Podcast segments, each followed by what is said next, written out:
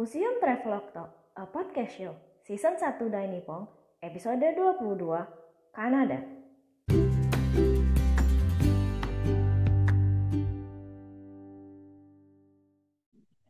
Hai, selamat datang di Museum Travelog Talk. Gue Ajeng, salah satu host di podcast ini. Gue Retno. Gue Argi. Selamat dengerin kita ya.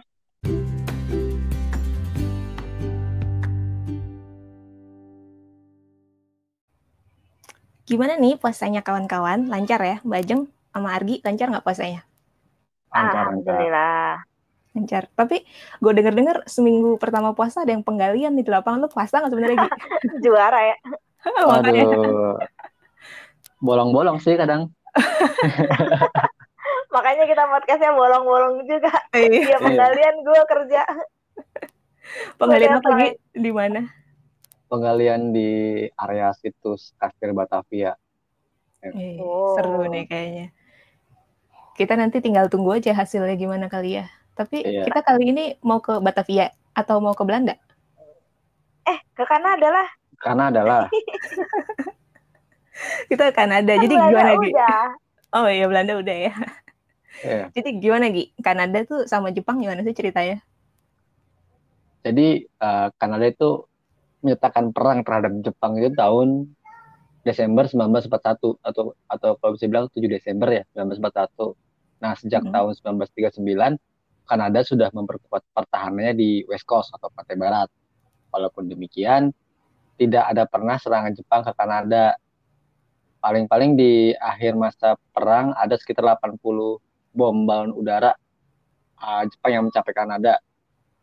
Jepang memang melepas bom, bom balon udara itu ke arah Samudra Pasifik. Jadi kalau nggak salah itu yang yang disuruh itu namanya Kapten Harold Cross. Nah, Kapten Harold Cross ini dia itu mempunyai tugas untuk uh, mendisarming si bom balon itu biar tidak meledak dan bagaimana mendapatkan informasi tentang komponen-komponen tersebut.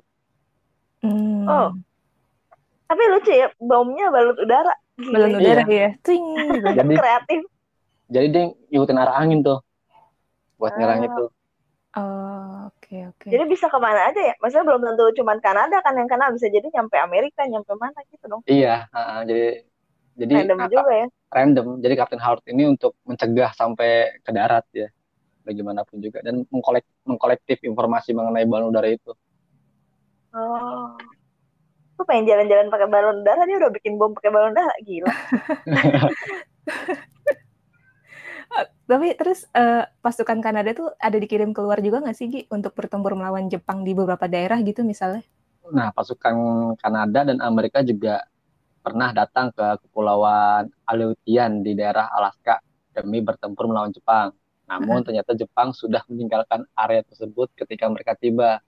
Nah, kalau nggak salah itu ada 2.000 pasukan Kanada yang bertempur di Hong Kong juga dan mengalami kekalahan telak sekitar 300 orang sampai 1.300 men- orang meninggal, 1.700 menjadi tawanan perang Jepang pada situ pasukan Kanada juga bertempur di India, Sri Lanka, dan Asia Tenggara dan Pasifik. Oh, berarti mereka eh, ke mana-mana juga ya sebenarnya? Kan Iya. urusannya sama British Commonwealth. Oh, oh, oh, oh. Oke oke. Tapi gue sempat eh, apa namanya? Gue sempat baca-baca nih kalau warga Jepang di Kanada tuh selama Perang Dunia II justru direlokasi paksa dari rumahnya karena pihak Kanada yang waktu itu takut kalau si warga Jepang ini bakal jadi mata-mata, terus bakal eh, melakukan sabotase dan sebagainya itu bener nggak sih?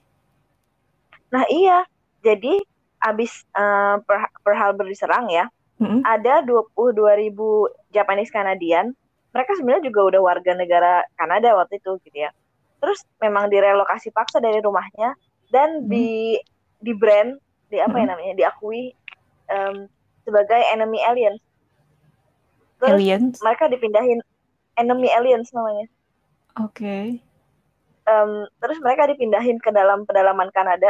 Bi- Biasanya kan banyak yang di daerah British Columbia ya, yang di pantai barat itu daerah Vancouver, apa yang yang kota besarnya Vancouver itu. Nah Hmm. itu di daerah barat itu banyak dipindahin ke arah eh, lebih ke pedalaman.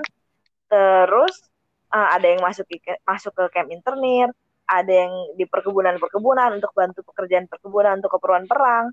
Terus bahkan ada juga yang habis perang tuh um, apa namanya dipulangin paksa ke Jepang.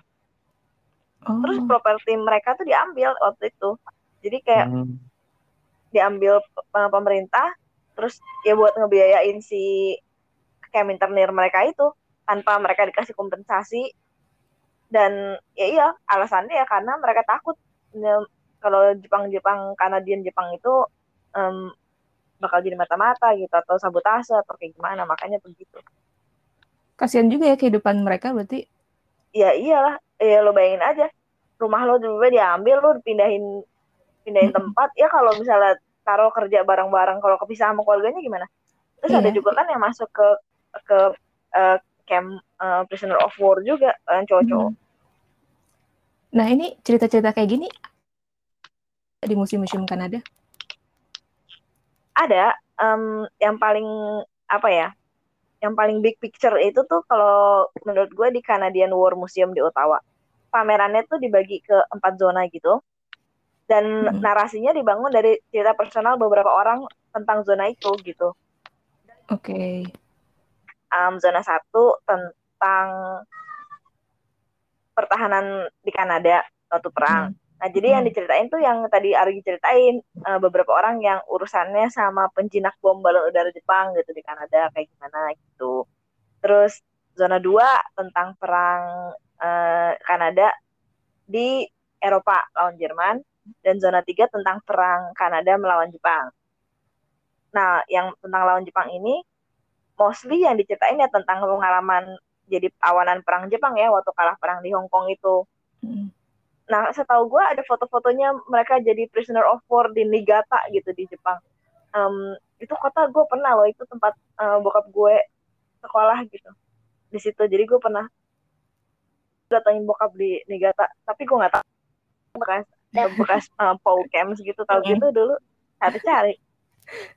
Nah, zona terakhir yaitu didedis- didedikasikan untuk em, Japanese Canadian yang dimasukin ke dalam camp yang direlokasi paksa itu Nah, gitu. Nah, Kanada itu juga merekrut seniman, baik seniman warga sipil ataupun em, tentara untuk Mhm. mengabadikan perang dalam bentuk visual. Jadi lukisan-lukisannya juga dipasang ya di jadi koleksi si Canadian War Museum itu gitu tentang visualisasi perang kayak gimana. Aku baru tahu loh kalau em, ya kan dulu kan belum ada ya ada sih foto ya tapi maksudnya lukisan masih masih masih sesuatu gitu. Gue baru tahu loh kalau pemerintah negara itu meng-hire seniman Pelukis. untuk melukis perang iya. Mm-mm. Karena Jepang juga gitu setahu gue. Oh. Belanda juga begitu, Mbak. Ini rada out nih, Belanda juga begitu. Belanda gue nggak tahu. Hmm, nggak tahu, nggak pernah dengar. Harus cari ya, harus cari tahu gitu. Tapi Hmm. I, I, I, I don't know. Tapi Jepang ada ada lukisan-lukisannya gue pernah lihat miniatur eh, miniaturnya gitu ya Heeh. dari yang aslinya tentang eh, seniman-seniman yang kerja di Asia Tenggara untuk ngelukis perang Jepang ada. Oke, tapi ngomong-ngomong soal seniman nih, gue eh, ada salah satu seniman yang direkrut oleh si pemerintah Kanada ya. Itu seorang perempuan dengan nama Molly Lam Bobak. Jadi dia tergabung di Kesatuan Militer Kanada selama Perang Dunia II itu. Dan dia melukis segala kegiatan perempuan-perempuan dalam pasukan. Jadi menarik banget kan, Oh, maksudnya keren. kita biasanya cuma lihat cowok-cowok gitu ya. ah. Iya. Nah ini eh, perempuan-perempuan yang tergabung dalam pasukan militer. Seru banget sih. Jadi Kalau misalkan teman-teman penasaran, dimampirin aja tuh website si War Museum Kanada. Hmm. Bisa biar bisa lihat sih lukisan beberapa lukisan-lukisannya Mary Lam Bobak itu tentang eh, perempuan-perempuan pasukan militer Kanada. Nah, terus Mbak, ada apa lagi sih museum yang seru di eh, Kanada tentang Perang Dunia II? Ada Chinese Canadian Military Mu- Museum. Nah, Oke. museumnya didirikan tahun 1998 Hmm? karena eh, sebenarnya sih tentang eh, Chinese Canadian yang di militer ya gitu nggak mesti perang dunia 2 tapi di perang dunia 2 itu ada sekitar 600 sampai 800 Chinese Canadian yang ikut bertempur baik di angkatan darat, angkatan laut, angkatan udara maupun di kesatuan lainnya. Oke. Nah, Chinese Canadian banyak yang dikirim untuk melawan Jepang di Asia dan Pasifik. Bahkan ada orang yang namanya Letnan William King Lo- Lore Mm-mm. yang merupakan salah satu yang membebaskan tawanan perang Kanada ketika Perang Dunia II berakhir. Di museum juga ada cerita tentang Peggy Lee, Chinese Canadian yang bekerja sukarela di St. John's Ambulance Corps. Nah, salah satu tugasnya itu uh, selain urusan sama um, apa namanya first aid gitu ya, dia juga tugasnya tuh berpatroli, terutama memastikan bahwa jendela-jendela udah dihitamin dan digelapin waktu malam. Oke. Okay. Jadi yang kayaknya kita pernah bahas ya di episode kapan tuh waktu itu bahwa konsepnya waktu itu kan belum ada GPS kayak sekarang ya gitu. Jadi keadaan di mana ada kota itu dilihat dari lampu-lampunya kan mm-hmm. untuk diserang. Makanya uh, kalau malam nggak boleh ada lampu makanya lampu dimatiin. Oh di di New Zealand waktu itu ya kita bahas.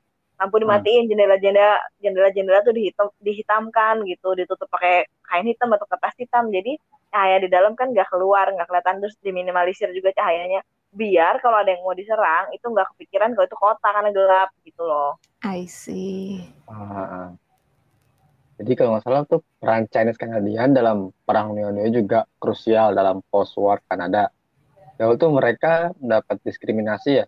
Setelah perang mereka diakui sebagai warga negara Kanada dan punya hak pilih beberapa bidang pekerjaan profesional seperti hukum, teknik, dan kedokteran yang sebelumnya tertutup untuk orang Asia jadi terbuka. Hmm. Stop Asian hate. Stop ya. Asian hate ya. Hate. Nah. Tuh, stop Asian hate ya. nah, ngomong-ngomong soal pasukan Kanada di Asia, di Hong Kong Museum of Coastal Defense juga diceritain loh tentang uh, pasukan Kanada yang kalah telak di sana kayaknya waktu kita bahas Hongkong kita nggak bahas musim ini deh. Hmm. Um, nah pasukan yang di sana itu katanya yang dikirim tuh rata-rata belum pernah bertempur sebelumnya. Oh. Udah gitu mereka nggak kenal medan Hongkong dan persenjataannya tuh kurang. Jadi persen jadi mereka datang sebelum persenjataan mereka datang. Jadi persenjataannya tuh di, di kapal yang berbeda gitu. Oh, okay. Jadilah Jadi, ya ya udah parah kalah kalah kalah gitu ya di sana. Uh -uh jadi 300 orang meninggal 1700 ditawan gitu kan yeah, terus iya. merana banget empat tahun ditawan ditawan Jepang hmm. gitu kan yang survive dari 1700 orang itu juga nggak banyak gitu yang hmm. survive sampai perang berakhir gitu setelah jadi tawanan gitu ya berkurang juga jumlahnya paling-paling 1400 apa apa gitu kalau nggak salah ah itu gitu. seru banget ceritanya. Tapi kita balik lagi ke Kanada ya. Dari Hong Kong terbang lagi ke Kanada. Sing. Tadi kan di awal tuh sebut disebut nih sama Majeng di salah satu segmen pameran Perang Dunia II di War Museum Kanada itu kan ada tentang Japanese Canadian yang dimasukkan ke dalam camp selama Perang Dunia II. Ya, nah. direlokasi. Nggak mesti camp sih, kadang-kadang ke perter eh ke peternakan, ke pertanian-pertanian gitu. Oh iya, atau perkebunan gitu ya. Uh -uh. Nah, ini ada nggak sih Mbak uh, museum yang mengangkat kisah mereka khusus gitu? Ada beberapa. Mm-hmm. Um, misalnya nih, kan waktu itu ada 22 ribu Japanese Canadian yang direlokasi ya, mm-hmm. uh, dan di, dan dideklarasikan sebagai enemy aliens. Nah, mm-hmm. salah satunya di Nikkei Internment Memorial Center di New Denver. Jadi biasanya itu kota-kota kecil di pedalaman, pedalaman mm-hmm. uh, British Columbia di pedalaman Kanada itu. Um, museum ini cuma buka antara Mei sampai September setiap tahunnya gitu. Memang begitu. Jadi kalau di luar bulan itu dia nggak buka. Terus uh, dia juga merupakan national historical site. Jadi isinya tuh bangunan asli saat uh, pada masa itu bagaimana ribuan orang Jepang Kanada itu direlokasi dan disuruh tinggal di situ gitu. Jadi masih asli tempatnya. Terus ada um, apa ada tinggalan budaya-budaya material masa itu terus juga didesain secara interpretif jadi bisa menceritakan seperti apa sih uh, saat itu gitu sejarahnya gimana ceritanya gimana dan hmm. juga dibikin ada Japanese gardennya gitulah gitu. Kalau nggak salah ada juga ya mbak Japanese Canadian Museum? Ada ada. Um, kan ada beberapa memang museum yang bahas itu. Salah satunya lagi tuh di Japanese Canadian Museum di Kaslo another hmm. small city. Jadi bahkan sebelum perang dunia dua uh, Kaslo tuh kota kecil yang katanya kayak kota hantu karena saking sepinya gitu saat Perang Dunia II ada 1.100 Japanese Canadian direlokasi di kota tersebut. Museumnya sendiri, isi Japanese Canadian Museum ini, uh, ter berat, berlokasi di rumah bekas tempat tinggal pada para enemy aliens yang uh, Japanese Canadian itu. Isinya biasalah foto-foto gitu kan, terus rekonstruksi keadaan rumah pada masa itu. ada narasi tulisan, juga rekaman oral history dari orang-orang yang mengalami peristiwa relokasi tersebut. Kalau nggak salah di Castro itu ada juga Langham Cultural Center. Oh ya? Bekas, bekas hotel tempat tinggal 80 Japanese Canadian yang direlokasi pada saat Perang, Perang Dunia Kedua. Nah, hmm. sekarang tuh uh, tempatnya sering dijadikan peringatan tentang Perang Dunia Kedua, diskusi film, terus eh Perang Dunia Kedua, apa tuh ah, tentang peringatan Perang Dunia Kedua, diskusi, ya macam-macam kayak seminar, film screening, bahkan pertunjukan teater. Seru juga ya. Mm-hmm. Padahal di Vancouver juga ada loh uh, Japanese Canadian War Memorial. Jadi maksudnya gini, si Japanese Canadian War Memorial itu seperti senotap ya, apa sih? Senotap tuh apa sih kayak tiang gitu ya, tiang peringatan hmm. gitu, ada lenteranya di atas gitu, untuk, untuk jadi bagian dari tentara Kanada. Uh, dalam Perang Dunia Satu. Eh di dalam Perang Dunia Dua dia dideklarasikan jadi enemy hmm, aliens coba terus, direl terus direlokasi, please deh. Ini ya apa namanya, lu udah berjuang buat negara, tapi di Perang Dunia Dua lu tetap jadi musuh gitu mbak. Jadi iya. gimana sakit hati gak sih? eh tapi seingat gue ya pemerintah Kanada tuh udah secara resmi mohon maaf kan kepada Japanese Canadian terkait relokasi mereka di masa Perang Dunia Dua itu udah udah itu tuh di uh, tahun 1988 udah hmm. kasih kompensasi juga sih terus hmm. uh, untuk orang-orang yang dipulangin paksa ke Jepang itu dikasih tawaran untuk um, keturunannya untuk jadi warga negara Kanada gitu oh, terus okay. nah itu tuh diceritain di Canadian Museum for Human Rights di Winnipeg hmm. jadi di museum ini terdiri dari 10 galeri tentang human rights dari apa sih human rights itu terus apa sih human rights untuk uh, indigenous people-nya Kanada gitu ya Terus uh, baru ada tentang Canadians Journey Gallery, jadi tentang masalah masalah-masalah human rights yang terjadi di uh, dalam pembentukan Kanada sebagai suatu negara. Nah, si relokasi paksa Japanese Canadian ini diceritain di situ gitu. Um, dari personal stories biasalah diangkat jadi official uh, naratif tentang Japanese Canadian ini gimana, gitu enemy aliens ini gimana, terus ya udah terus tentang si permohonan maaf pemerintah dan komentasi dan bla bla itu. Oke. Seru juga nih, maksudnya kita uh, jalan-jalan ke Kanada jadi tahu banyak sisi ya sebenarnya Mbak. Iya, ceritanya beda lagi kan. Sama kayak New Zealand juga beda kan. Di mana juga beda gitu. Jadi emang ya beda-beda ceritanya. Nah, jadi menurut lo gimana Mbak, khusus Kanada? Bagaimana sih mereka merepresentasikan Jepang? Kalau yang bersinggungan sama Jepang, kalau menurut gua um, yang ditampilin di museum ada dua apa ya? Ada dua cerita besar ya. Yang pertama tentang pasukan Kanada sendiri yang bertempur di Perang Dunia, baik uh, sebagai pertahanan di rumah atau yang banyak diangkat adalah yang tentang kekalahan kelak telaknya mereka di Hong Kong gitu kan. Karena memang ceritanya uh, sad story kan itu. Terus satu lagi ya tentang si relokasi Japanese Canadian sebagai enemy aliens ini.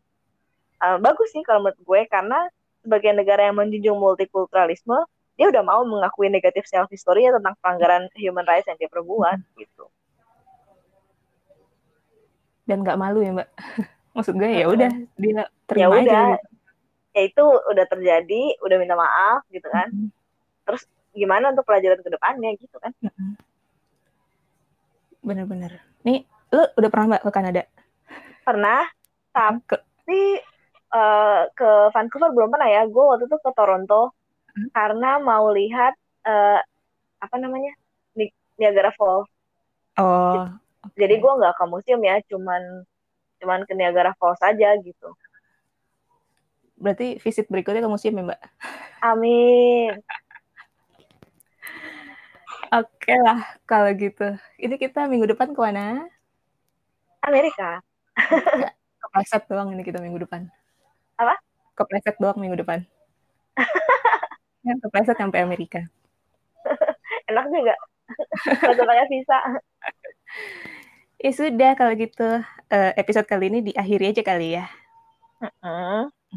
Oke lah kalau gitu episode kali ini kita akhiri sampai sini aja kali ya. Minggu depan kita bakal ke Amerika. Terus jangan lupa kalau misalkan ini masih kurang jelas bisa dibaca uh, ceritanya di museumtravelog.com atau bisa juga follow Instagram Museum Travelog Ah, buat tahu info-info berikutnya, kapan update lagi gitu-gitu ya misalkan.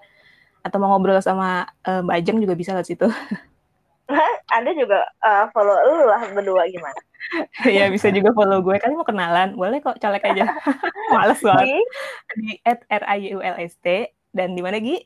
di RG underscore Arafah. Betul. Terus jangan lupa juga ini di like-like Spotify-nya kali ya. di follow-follow. masih banyak episode-episode sebelumnya yang bisa didengerin dari Asia Timur, Asia Selatan, Asia Pasifik, Australia, Mm. eh, sampai sekarang eh, Kanada. Jadi tinggal pilih, pilah pilih. Dan besok-besok masih ada dua lagi, kita ke Amerika dan Jepang. Itu kelar. Ah, Betul. Ini Gitu. mumpung masih bulan puasa, mari mengucapkan selamat menunaikan ibadah puasa lagi. Selamat berbuka puasa lagi. Oh iya, selamat berbuka Iya, selamat berbuka Oke deh. Selamat berbuka puasa semuanya. Oke. Makasih udah ngabuburit sambil dengerin kita. Mm-mm. Dah. Bye. Ah.